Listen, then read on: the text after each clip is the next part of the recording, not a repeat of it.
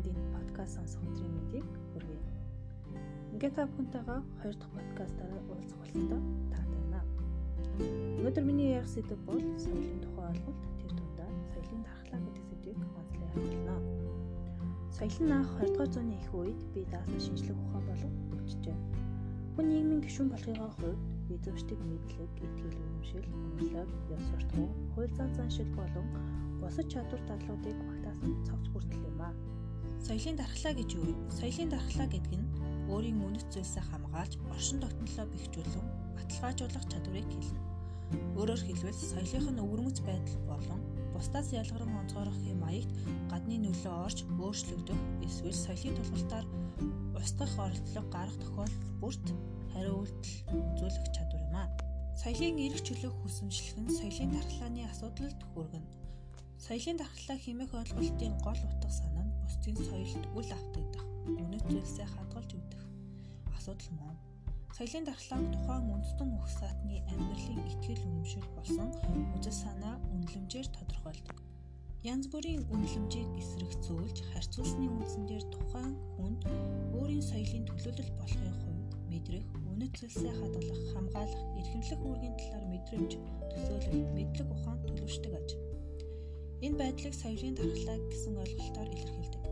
Альва бие махбод оршин тогтноход дархлаа шийдвэрлэх үүрэгтэй адил соёлд бас хамгаалалт хэрэгтэй. Соёл бүрт өөрийн үнэт зүйлс байдаг гэж үзвэл энэхүү үнэт чанараа хадгалах чадвар нь соёлын дархлаа юм. Соёлын дархлаа хүчтэй байгаа бол соёлын адилсалд үнэт. Харин дархлаа нь сул байгаа тохиолдолд сүрэлт хүрэх аюултай. Жишээ нь өнөөгийн манай нийгэмд хотжолд үнэт зүйлсийн чиг баримжааны өөрчлөлттэй холбоотой элдв сүрэг үзэгдэл ихсэх болов. Энэ нь бидэнд Монгол соёлын дархлаас суулгаж алдагдахад хурж болцсошгүй гэдгийг ухаарах, соёлын өв уламжлал үнэт зүйлс рүүгээ хандах, тэнгэрийг хамгаалах асуудлын нэн чухал болгож байна.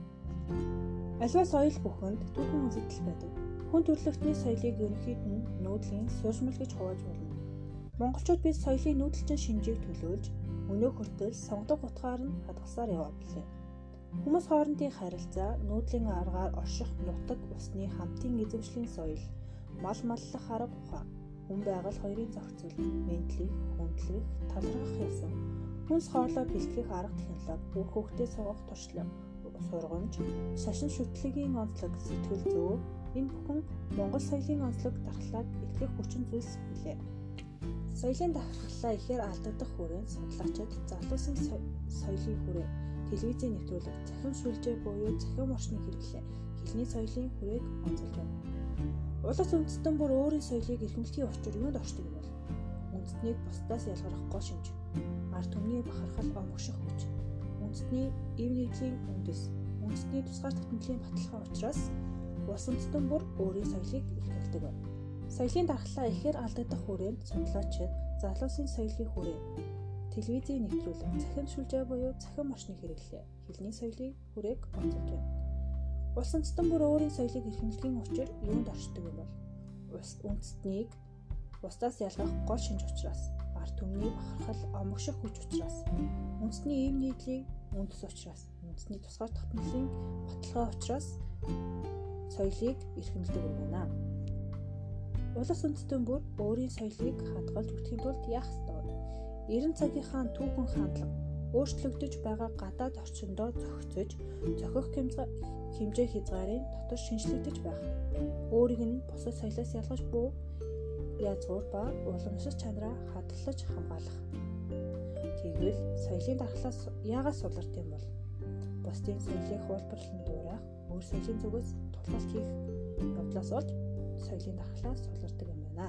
Иймээс хүн бүр дархлаагаа байнга дэмжиж байдгийг нэгэн адил соёлыг бас бид бүхэн байнга дархлаажуулалт хийж байх ёстой юм аа. Ингээд та бүхэндээ миний подкастыг сонсон маш их баярлалаа.